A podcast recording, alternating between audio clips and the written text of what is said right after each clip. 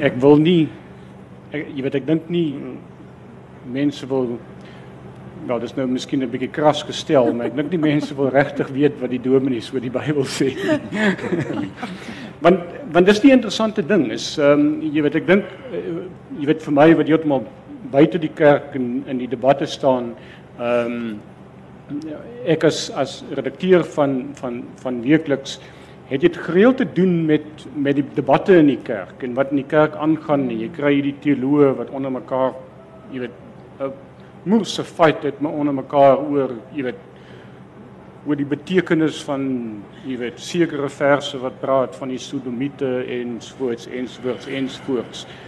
En dis nie hoe normale mense, gewone mense die die Bybel lees nie. Ehm um, gewone mense haal veel meer uh uit die uit die Bybel lees die Bybel op heeltemal ander manier as uh as uh, as teoloog.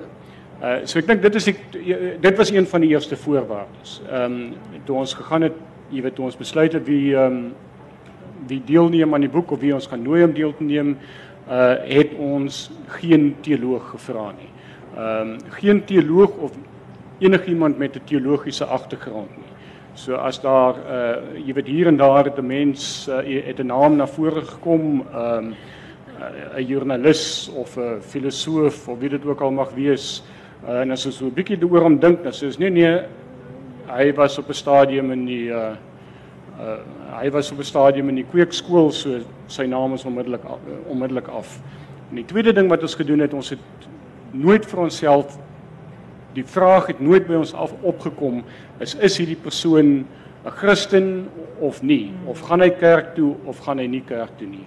Ehm um, uit die aard van die saak, uh sommige van die mense is jy weet meer openbare persoonlikhede, weet jy nou al uit die verlede uit goed wat hulle geskryf het, is hulle glo hulle nie, sommige van hulle is baie uh uh baie beslis oor die feit dat hulle nie glo nie, het al aan hierdie hierdie debatte deelgeneem uh die tipe van Richard Dawkins debatte wat uh op 'n stadium ook in Suid-Afrika so so gewild was. Uh maar ons het nie gevra nie, ons wou nie weet nie. Ehm um, op 'n stadium het ons selfs gespeel met die idee jy weet vir mense om hulle biografiese inskrywings agter in die boek te sê, jy weet iets te sê oor hulle geloofslewe. Ons het uiteindelik daarteen ook besluit. Ehm um, jy weet omdat ons bang was dat dit mense se lees van die van die stukke sou uh, sou kleur. Ehm um, want die basiese vertrekpunt is die meeste mense ken die Bybel. Uh, die meeste mense het 'n idee daar en die meeste mense haal iets daar uit. Ehm um, en die interessantheid was uh so te sê almal 99% van mense het onmiddellik ja gesê. Dit was geen dit was nie eens nodig om mense te probeer oorreed nie. As hulle hoor van die idee, dan sê hulle hulle is in.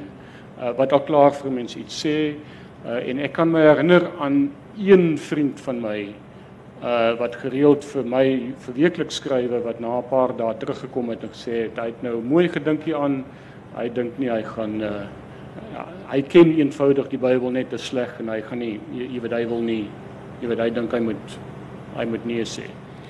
Ehm um, so dit is die dit was die basiese uitgangspunt. Ehm um, en van daar af ehm, soos ek sê, die goed ingestroom. Almal wat beloof het hulle sal iets skrywe, het iets geskrywe. Daar was nie daai normale probleme van 'n versamelbundel soos hierdie saamstel waar almal sê ja en dan moet jy, jy weet, is dit 'n gesukkel om mense in uh, te kry om sover te kry om te skryf nie. Ek dink uh Chris uh het daar 'n groot bydrae gelewer uh, want wie kan nou vir 'n dominee nee sê? so so ehm um, ja, en die die die die rykwyte was uh, jy weet was ongelooflik. Uh jy weet die goed waaroor mense vorendag kom, die lewensstories waarmee mense vorendag kom. Ehm um, so wat julle hier hoor vandag is maar eintlik maar net 'n klein uh jy weet 'n klein snapshot van jy weet van dit waaroor mense geskryf het. En toevallig, jy weet al drie, Valiant, Rachel en Julian op 'n manier sny hierdie hierdie hierdie idee van 'n van 'n kruispunt in jou lewe aan.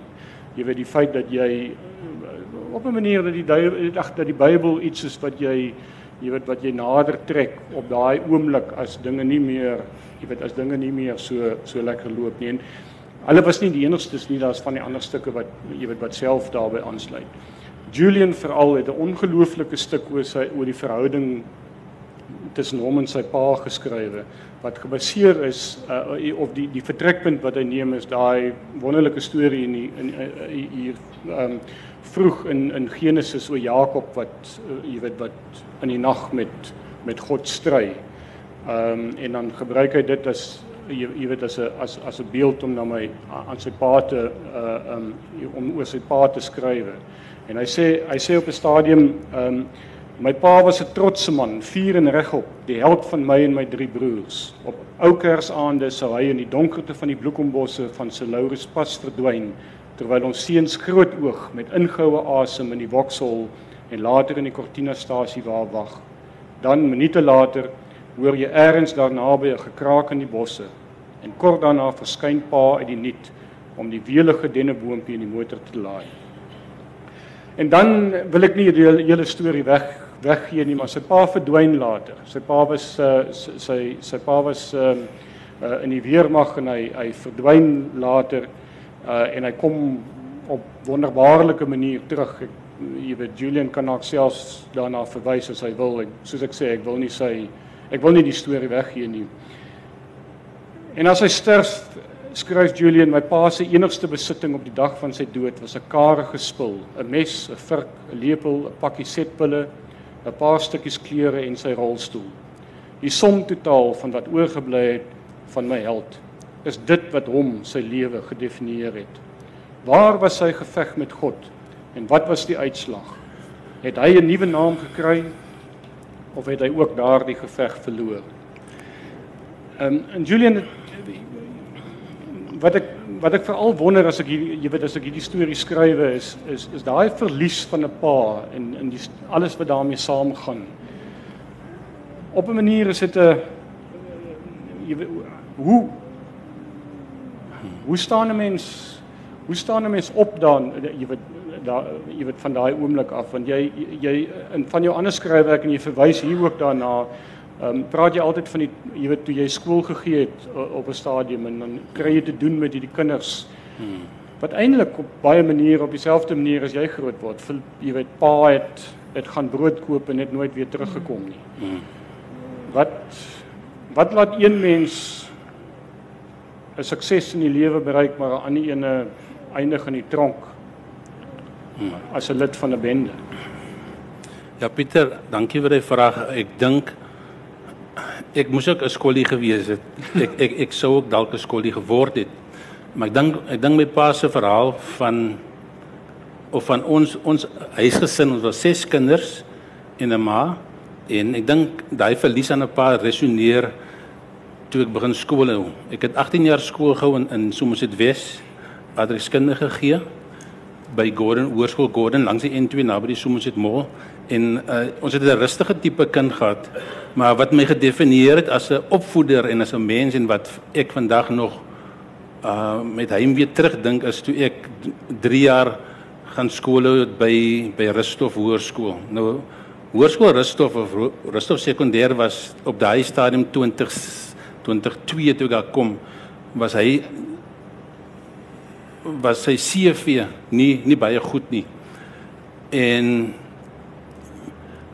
ek het baie te doen gehad met en ek baie in 'n groot mate te doen gedoen gehad met enkel ouer kinders waar mammie na die vergadering toe kom, ouer vergadering of ouma en oupa kom na die na die ouer vergadering toe en pa is nie daar nie, pa is weg en dan het jy daai kumulatiewe ehm um, die die oorspoel van al daai tipe sosio-ekonomiese probleme en gedrag en en en antisosiale gedrag veral van seuns.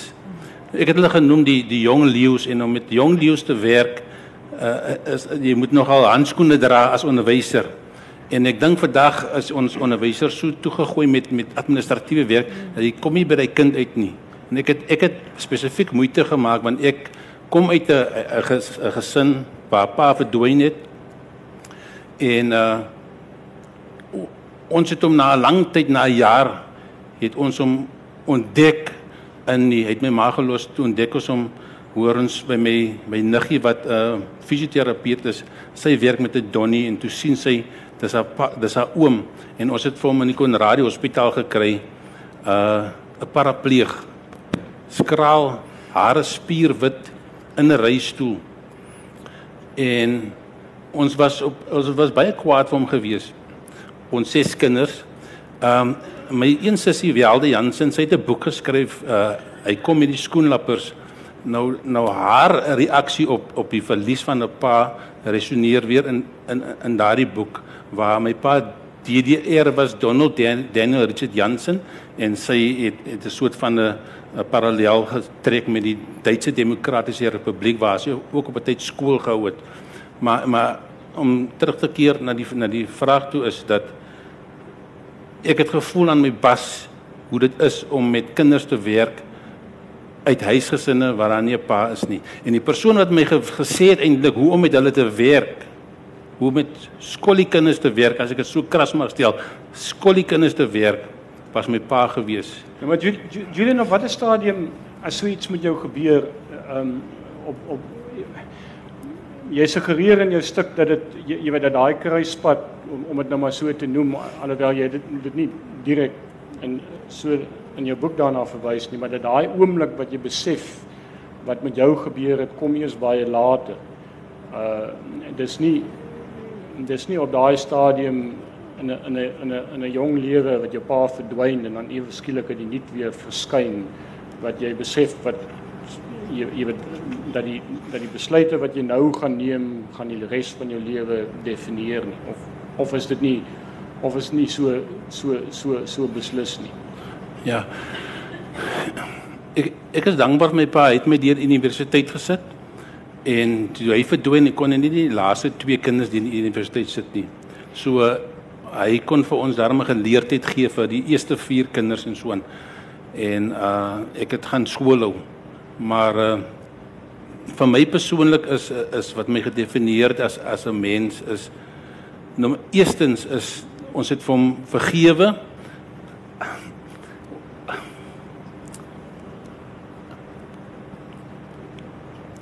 Ons het hom vergewe by die hospitaalbed. En uh hy het nog gevra hy wil bietjie afvalkerie hê en my vrou het hom afvalkerie gemaak en het alles opgeëet en so twee twee maande na kry ek oproep by die skool van my broertjie af om te sê hy is oorlede.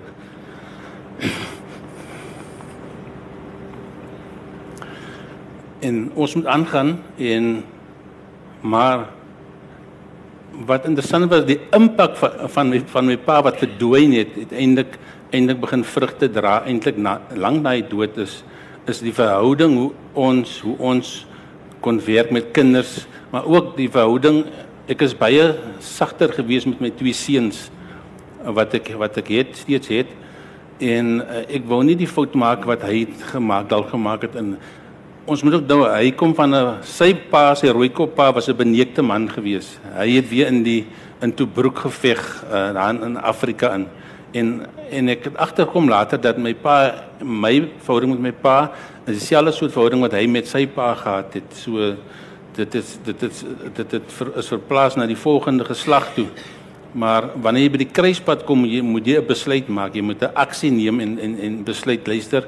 Ek gaan of links of regs of hy gaan weg. En ek deur die Here se genade dink ek kon 'n mens hy hy besluit gemaak het. Ek kon ook opgestaan het teen my pa. Ek ek het ek het geskryf die boek geskryf oor die Bylmoorde Henry van Breda. Ek het vanmiddag en hom Juri gesê dat of het ek vir vir vir jou gesê dat ek ek het meer rede gehad as Henry van Breda om om die byl te lig. My broer was op 'n stadium met hy 'n graaf gelig teenoor my pa want ons was baie kwaad vir hom. Maar ons het vergifnis gekry by die hospitaalbed en soos ek gesê die vrugte van daai pa gesprek het later vir my as mens gedefinieer om om baie fyner te kyk. Dit het my dit my ek ek mis die skool want uh, 'n mens besef die impak wat jy kan maak as jy as jy met seuns werk in die skool en jy werk met jou hart. Baie baie ouers, ek het simpatie vir onderwysers wat kinders klap en en en en en en en, en, en nie verstaan nie. Uh dalk moet hulle ook by 'n kruispunt kom, maar as jy nie insette sit in 'n kind met 'n probleem nie, as jy nie vir hom sê of as jy nie sy mentor kan wees nie, dis wat my pa my geleer het. En in die tye wat ek ook moeilik gekry het, is het ek my mentors gekies. Byvoorbeeld, een van my mentors, hier sit een van my mentors, Pieter, hy weet dit ook nie.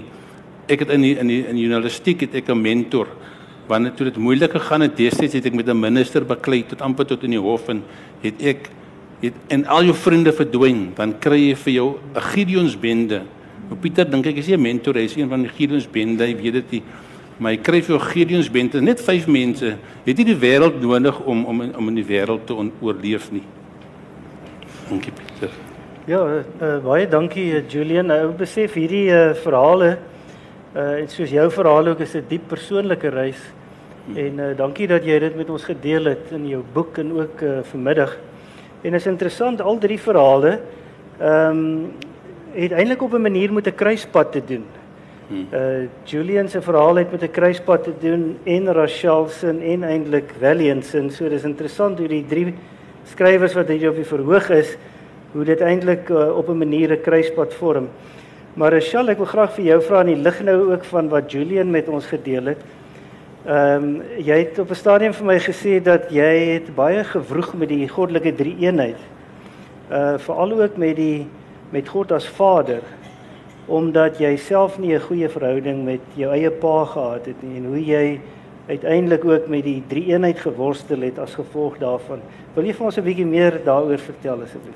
Enige tyd. Dit was vir my van kleins af ehm um, ek dink kinders word as spirituele wesens gebore en ons as groot mense doen dan dinge met hulle. Ehm um, en miskien gaan daai spiritualiteit weg of dit kwyn. Dit maak nou nie saak nie. Dis nie 'n veroordelende ding wat ek sê nie. Maar van kleins af het ek gesukkel met God as 'n vader omdat ek 'n onverbiddelike en baie problematiese komplekse pa gehad het en 'n baie pynlike verhouding met hom gehad het deur my hele lewe. Ehm um, en ek ek kon net nie en dit dit is nou niks dit het nou niks met die NG Kerk te doen nie uiteraard maar ehm um, ek kon net nie weet God in dieselfde asem as 'n vader noem nie want ek het beleef eh, die verskrikking en die pyn en die trauma van 'n slegte verhouding met 'n pa. Ja, dit is meer 'n probleem met die met met God die Vader en nie noodwendig met die NG Kerk hoewel ek probleme het met die NG Kerk ook of ja. gehad het. Ek het ja. nog steeds ekskuus. Ja. Rachel, ek wil uh, net nog een vraag vir jou vra. Jou ehm um, die titel van jou essay is Maak jou eie lied. Ehm um, vertel ons meer daarvan. Ehm um, die teksvers wat ek gekies het is Habakuk. Ek is baie lief vir die boek Habakuk. Ehm um, soos vir die Psalms en vir Jesaja want dit is baie poëties vir my. Um, en ek het die vers gekies nogtans sal ek jubel in die Here. Ek sal juig in die God, juig in die God van my heil. Dis Habakuk Habakuk 3 vers 18. Nou ek is nie die eerste mens wat daaroor skryf nie. Mense skryf baie daaroor. Die, van julle wat so oud soos ek is en ouer sal onthou ehm um, Audrey Blinou het het 'n pragtige essay daaroor geskryf en en dit was haar uitgangspunt in die lewe dink ek. Jy weet al gaan dit hoe sleg. Ek trek my rooi rok aan en ek sit my rooi lipstifie aan en ek ja, en ek sing my eie lied. En ek het in 'n stadium in my lewe gekom op 60 wat dit het 'n aanloop gehad. Ek dink die die kruispunt begin nie op een oomblik nie. Dit dit kom van alle kante en dit het 'n aanloop ja.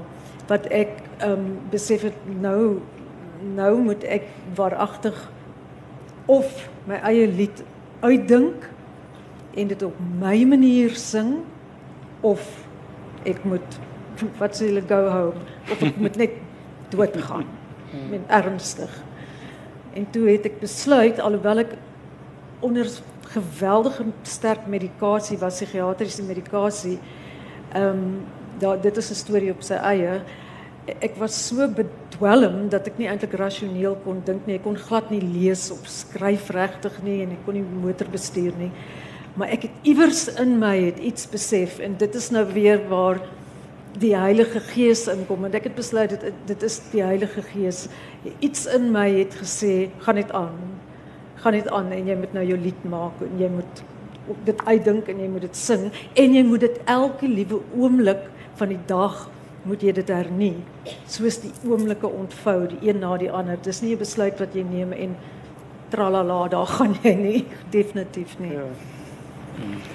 Dankie. Rachel, s- s- jy jy jy jy onderspeel dit nou baie mooi, maar jy I mean daar Rachel se se se essay uh, jy onderstreep eintlik hierdie punt soort van oor en oor en oor is dat jy jy weet uiteindelik ehm um, uiteindelik is dit net jy jy jy jouself wat jou uh jy weet wat jy kan kan kan optrek daai. Dis jy weet dit jy moet die moet die bewuste besluit neem. Hoe jy dit ook al ehm um, doen of jy gaan hulp vra elders en of jy uh sielkundige toe gaan of uh jy weet Bach of Beethoven opsit of wat jy ook al wat beter voel is jy jy moet dit doen. Maar Valiant gebruik so 'n baie mooi beeld daarvoor. Ehm um, en ek dink dit slaan uiteindelik in een van sy liedjies ook, maar jy weet kom ons begin om te begin by die jy weet by sy by sy eie by sy eie stuk eintlik 'n 'n musikale reis vertel, maar daar's so 'n baie mooi 'n beeld wat hy hiervoor gebruik is die skoene die, die, die skoene moet jy dra, die skoene moet jy aantrek. Ehm um, Rachel sê jy moet jou aan jou eie veters gaan optrek. Maar daar is daai mooi, jy weet, daai daai mooi beeld van as jy by daai kruispunt kom, ehm um, jy kry 'n paar skoene daarso. En daai en daai skoene moet jy Ja, dis nou maar ja. Dit dis 'n keuse, jy weet. Dit is soos in daai daai mooi gedig. Is Adam Small of Opperman? Ek is altyd verward. Ek kan ook baie gesê dit van die drie outas in die Haai Karoo, die ster gesien en die engel geglo. Ehm um, ek was ek was nog klein toe ek geleer gitaar speel het. En dit het my dit het my lewe verander. Die oomblik die dag toe my pa met 'n gitaar by die huis aankom. Ehm um, vir my daar is weer paas, né? Ja. Ek het en ek het hom geleer, my pa het 'n bietjie musiek gemaak en so aan. En my pa was my pa het sonder 'n pa groot geword. Hy het tussen tussen vrouens vrouens het hom groot gemaak. En hy was 'n baie sagte ou, vreeslike sagte aarde, sagte mens. En hy het mooi musiek gemaak. En 'n geweldige kunsinnige mens gewees wat nooit daai aspek van sy wese vervul het nie. Hy kon dit nooit vervul nie. Ek vermoed hy was ten spyte daarvan dat hy baie ehm um, uh die weet sagmoedig en so 'n baie vriendelike, vreeslike liefdevolle mens was. Dit het ek moet sê ek het in 'n baie liefdevolle gesin groot geword. Dit is wonderlik.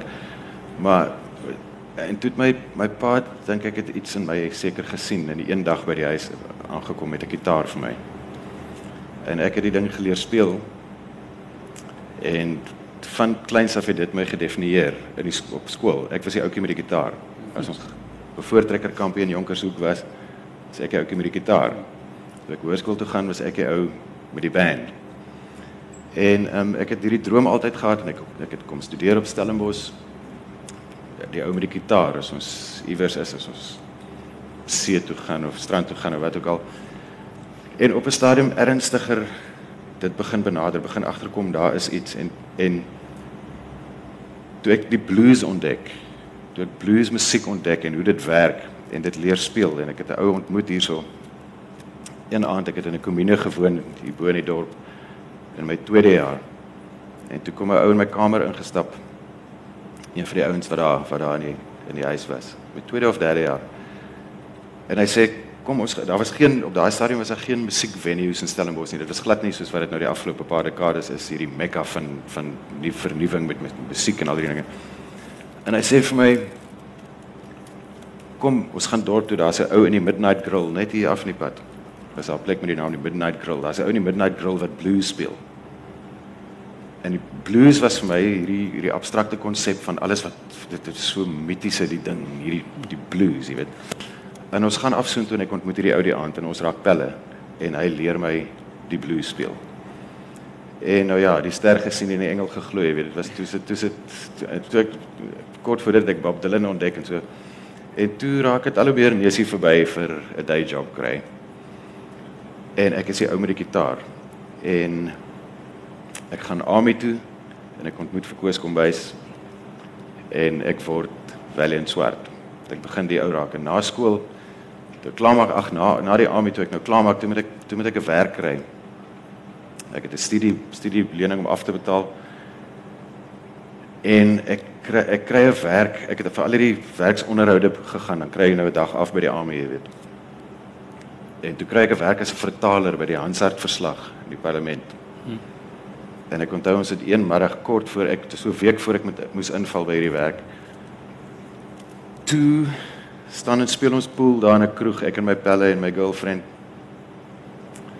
En ek dink aan daai job waar ek nou Woensdag moet instap en ek moet 'n pak klere dra en 'n das. En ek dink ek het nou na 2 jaar, I just came out of the belly of the beast en nou gaan ek willens en wetens weer daarin. En ehm um, kort voor dit het 'n ou het 'n ou vir my kom vra of ek asseblief hy sê vir my jy speel mos ook gitaar. Daar ou wat saam in die army was. Jy speel ook gitaar, right? En ek sê ja ja, hy sê kan jy hoeveel liedjies kan jy speel? En ek sê vir hom, "Wel, ek kan die blues speel." en toe sê hy vir my hy het hy het 'n dubbel bespreek dubbel bespreking vir die een aand en of ek vir hom sal instaan by die een plek. En dis toe net af van die pad van die huis waar ek bly, halfpad tussen die huis waar ek in Kaapstad bly en die kasteel waar ek in die army is. En dit is ook 'n paar weke voor ek uitklaar. En hy sê vir my ek wil hierdie wil hierdie gig hê jy kan die geld kry. En ek sê ja sure enige tyd ek sal dit doen. En ek begin daar speel en net daar stel hulle my aan om woensdag vrydag saterdag middag en saterdag aande te speel vir 'n 100 rand te pap se fortuin ek het met die, die eerste aand met die 100 rand by die huis aangekom op daai stadium het ek iets soos 130 rand 'n maand by die army gekry 'n maand hier kry ek op 'n aand 100 rand ek onthou ek het so ingestap met my meisie aan my sy en ek het die 10 10 rand note so in die lug opgegooi. Jy weet soos mense in die movies sien. En wow, en in dag of twee later staan en speel ons pool daar in hierdie in hierdie pub. En hulle daar's 'n tikkie boks teen die muur. En ek het die vrou van die parlement, my kontak by die parlement. Ek het haar nommer in my kop. En toe stap ek na die tikkie boks toe en gooi die 20 sent in 'n belly vrou en sê vir haar, hoorie, mevrou, ehm um, ek het veel slegte nuus, maar dit is miskien ook goeie nuus. Ek kan dit nie maak nie. Ek kan nie Woensdag want sy sê vir my nou maar wat is dit het jy het jy iets anders gekry en ek sê ja, ek het iets anders gekry. En sy sê vir my gaan dit oor die geld. En ek sê vir haar, well, om eerlik te wees, ja, dit gaan actually oor die geld. Wit leentjie. En toe sê sy vir my nee, maar ou moet maar na jou geld sake kyk en so en sy verstaan en uitgesien na jou koms maar, verstaan en alles sterkte met die nuwe loopbaan. Ehm um, sy het gelukkig gelukkig nie gevra waar dit is nie want imagine ek moes nou sê ek gaan gitaar speel in die bar mevrou. en nou ja, toe toe gaan speel ek gitaar in die bar en dit gaan toe goed vir 'n tydjie. En een een aand kom ek daarin of een namiddag of 'n aand kom ek daarin om te speel en ek sien maar hier ek ken niemand meer hier nie. Toe het nuwe mense die hotel oorgevat. Die bestuur en die hele staf gefire my ook. En daar sit ek toe op straat en nou ja, dis toe dis toe waar die ding nou begin, maar En ek het toe so 6 maande later was ek by die Gramstad fees. Ek speel daar saam met Koos Kombuis. En ek bel huis toe om te hoor hoe dit gaan. Bel my ma om te sê ek is okay en so. En my ma sê vir my my kind, jy het ek ver by die huis aangekom. Ons het nou teruggehoor van hierdie nog 'n staatsinstelling waar ek aan so ek het 'n graad gehad in gekry in in Afrikaans, Nederlands en Engels. En ek ehm um, hulle soek toe vir my by hierdie groot staatsinstelling en ek dis 'n maatskappy motor en ek weet nie wat alles nie. Ons dink jy moet dit maar vat en ek sê wel okay, ek sal ernstig daaroor dink en nou ja, toe ek gedink en toe vat ek hierdie ding.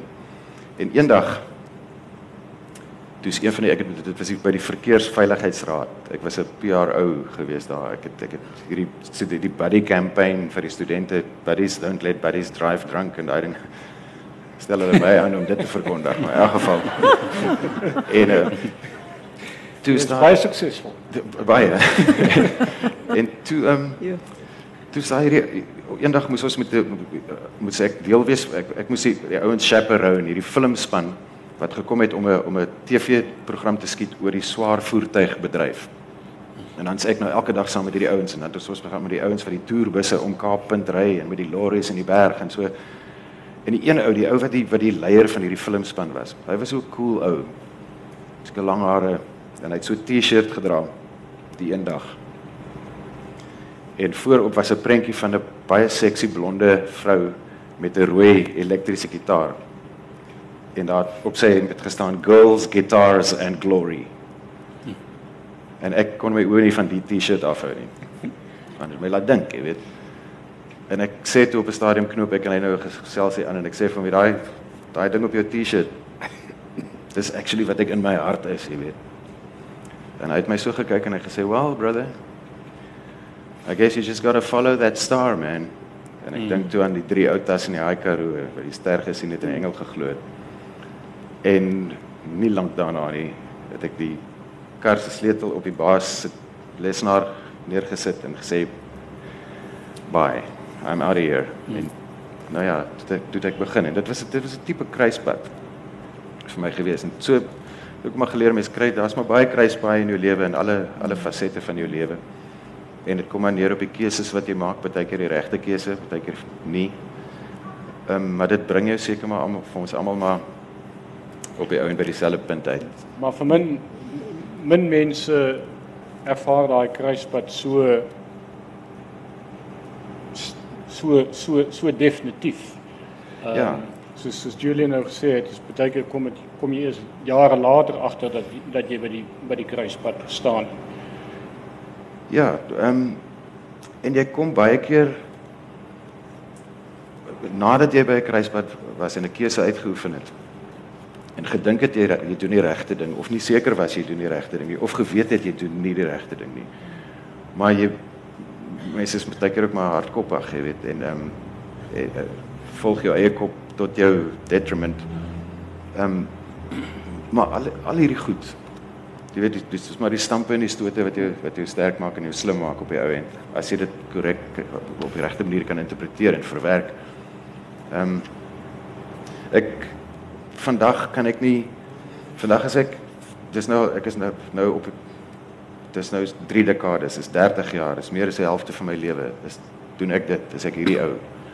En moet myself baie keer knyp om te dink hoe gelukkig ek is. Mense mense begin nie goed as van selfsprekend aanvaar die die die absolute die vryhede wat ek het wat wat die ouens wat in daai job gebly sit het want hy het nie daai dag die sleutel op die baas se lesenaar gesit en gesê I'm out of here nie. Wat nie links gedraai het nie. Yes. En nou ja, en dan natuurlik nou met die storie wat ek geskryf het. Ja, wat ek wou ek ek wou sê die die ding van kruispaaie is 'n uh, daar's 'n daar's 'n ryk blues tradisie in die absoluut die die die die ontmoeting met die duiwel by die kruispad. Yes. Kyk hulle hulle sê ook mos the blues ain't nothing but a good man feeling bad. Jy weet, dis dis net die teenoorgestelde van boere musiek, which ain't nothing but a bad man feeling good. Hoor my net, I've been there. Ehm um, net staan my verkeerd. Kyk in die in die blues almal wat die blues ken as jy nou Eric Clapton, ons het nou maar die blues geleer ken deur ouens soos Eric Clapton en Led Zeppelin en die Rolling Stones en hierdie en hierdie ouens. En daar's oral iets van the crossroads en daar was hierdie fliek the crossroads wat gaan juis oor hierdie ding. Dat die cross crossroads mite slash legende in die blues uh daar was dit is so Faustiaanse legende van hierdie ou met die naam Robert Johnson. Hy is een van my helde. Hy het gelewe in die 30er jare van die van die vorige eeu. En die legende gaan oor hierdie bluesman wat een middernag onder 'n volmaan 'n ontmoeting by by hierdie kruispad iewers op die platteland iewers het hy 'n ontmoeting met die duiwel gehad en hy het nou 'n verdrag gesluit met die ou Knakster. Dis een van die name van die duiwel. Knakster. Ek het 'n hond gehad met die naam Knakster voor ek geweet het dis die naam van die van die duiwel. Ehm um, hy het my baie opdraand gegee die hond. In elk geval wat uh, Robert Johnson dit is toe volgens hierdie legende was hy die ou wat die wat die deal met die duiwel gedoen het. Van die van die crossroads en dit kom maar uit 'n tradisie die, die, die dit kom uit 'n uit 'n Bybelse tradisie eintlik Eh, want dit was in daai tyd was dit was die nasate van die slawe.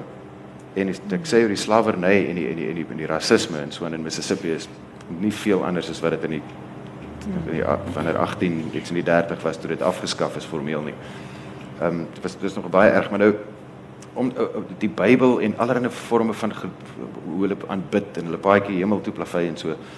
Ehm um, ek ek is nie seker wat die wat die regte woord vir dit is nie want dit is dit is amper soos 'n um, jy weet soos hierdie lay preachers, leuke predikers wat, wat en ouens in hierdie brimstone and fire en hulle hanteer slange en slaghoenders en het um, rituele en dinge. En die die manier waarop wat wat basies gebeur het is Robert Johnson vreeslik goed gitaar gespeel en hy het mense betower met sy liedjies en so. En toe het hy weggegaan.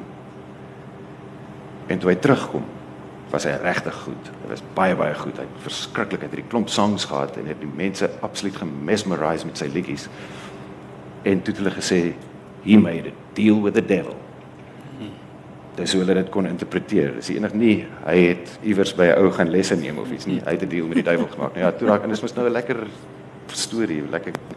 Ek het dit aan aan eie bas gevoel eendag in Mississippi. Ek was 'n klomp jaar terug het ons met 'n filmspan gegaan en het 'n dokumentêre reeks oor die blues gemaak. 40 dae deur die Delta. Nog 'n ding byvoorbeeld die 40, die 40 dae, 40 days and 40 nights, die 40 dae en 40 dae nagte in die woestyn. Dis net so 'n sentrale tema in die blues, 40 days and 40 nights. My liedjie die Mystic Boer. Se koor begin 40 dae en 40 nagte soek ons die Mystic Boer. Ehm um, dit is dit stam af dit het sy inspirasie daar gekry. In elk geval my ou Robert Johnson het kom toe nou terug en hy het een aand het hy gespeel by 'n um, by 'n juke joint, soos wat hulle die blues bars genoem het. En toe het hy ehm um, tydens 'n breek wat hy geneem het of iets het 'n ou vir hom 'n dop gekoop. Seker nou moonshine of bourbon of iets. En hy drink toe nou die die drank en toe sterf hy 'n gifdood. Die ou het hom vergiftig en die storie was blykbaar dat hy met die ou se vrou gelol het. Ek glo dit nie. 'n Musikant, no ways. in elk geval. En um, nou ja, toe is ons in Mississippi met hierdie blues cruise en alles en een van my dinge wat ek graag wou doen, ek wou Robert Johnson se graf gaan besoek. En toe vat hulle my na hierdie kerkie toe op die oewer van die Tallahatchie rivier daar in die Mississippi Delta. Is daar so 'n klein wit kleiboord kerkie. So 'n Baptist ministry. En buite die kerkie is daar so 'n klein kerkhof, nie veel groter as omtrent so amper so 'n helfte van die van die tent, minder. Daar's 'n paar grafte, dan daar nou ook 'n paar ongemerkte grafte. Net seker hoopies grond. En in een van die unmarked graves sê hulle daar lê Robert Johnson. Hulle het dit nou gepinpoint. Alles dui daarop dat dit hy is wat dis sy graf is. Vir my nou 'n vreeslike oomblik. Ek kry toe vraggies 'n leë bourbon bottel agter die een grafsteen lê. waar een of ander braa nou met die spooke gesit en shots vat het in die nag of iets.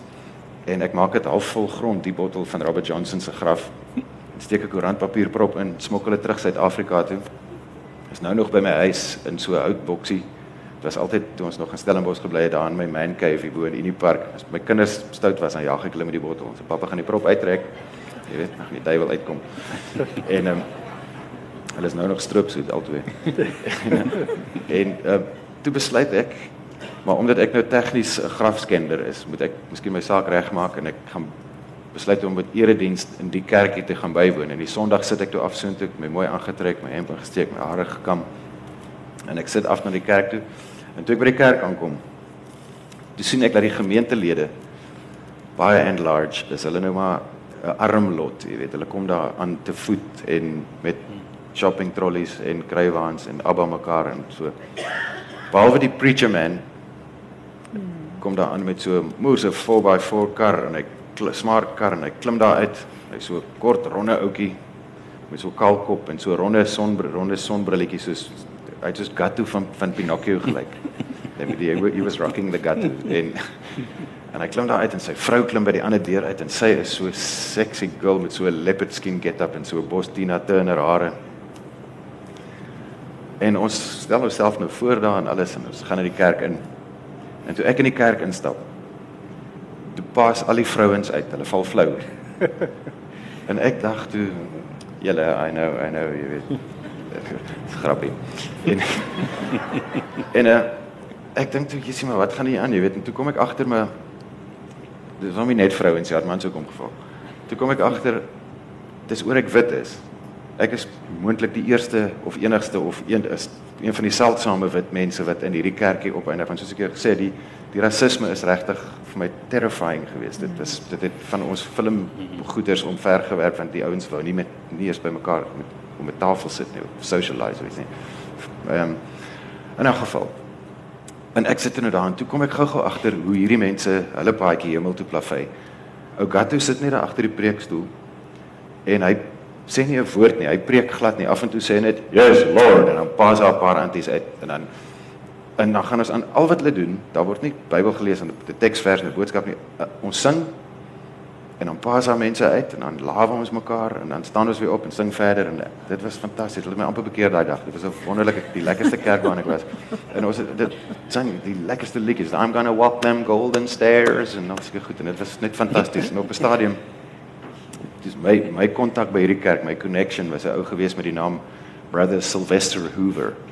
En Brother Sylvester Hoover stap vorentoe en hy sê, "Morning y'all brothers and sisters of the congregation. We got ourselves a visitor in church this morning." Almal kyk vir my. Hmm. Dit is nou obviously ek. And I say, "Philip, Brother Valiant is from Africa." Toe pas die hele gemeente uit. Almal van, almal. Plat, hulle lê daar sulke ruk, die trane is by Jerry Tannie se oë. Hulle dink toe nou seker die albino messias van die Motherland. Ek het my parels kom haal vandag. Maak my saak reg, jy weet. En hy sê vir hulle, "Brother Valiant has come here to testify." Brother Valiant, nou stap ek vorentoe met my gitaar by my. And ek sê vir hulle, "Morning y'all, it's like Brother Sylvester has told y'all, I've come here to testify and I've come here to testify in song, I'm a song and dance man myself. Hallelujah, brother." Hulle om. Ek sê, "Y'all wouldn't understand a word I'm singing, but y'all will follow my drift. It's about if you fall upon hard times, you just look up and bear up, and the Spirit will guide you on through. Hallelujah, brother, tell it like it is." En ek sê vir hulle, "The song is called Die skoene moet jy dra." Maar daar moet hulle weer ont, almal. Regtig. Halfpad, ek sweer hulle hou so mekaar vas, nee, en halfpad deur die die tannie se brille is opgewas en dit gaan vreeslik. En halfpad en ek sê vir hulle, "Ja, jy weet it's my mother tongue, beautiful language called Africano." En um I wrote this song under divine inspiration en en halfpad deur die liedjie speel ek so 'n stukkie backflaking. En toe ek verder begin sing in Afrikaner, toe begin hulle so plek plek saam sing daar in die kerk, nê, nee, soos Ja. die Babel, die tonge van verwarring en dit so that in action. So julle En aan die einde van haar erediens, nê, nee, Tina Turner vir my oogies gemaak. Hierdie is 'n ware verhaal.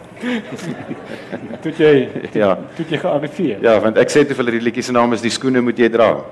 Dit was toevallig die liedjie wat ek gesing het. En toe is ek ja.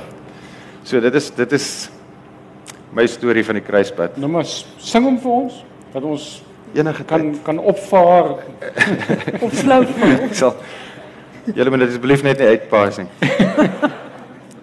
Ek was 'n dokter op televisie, maar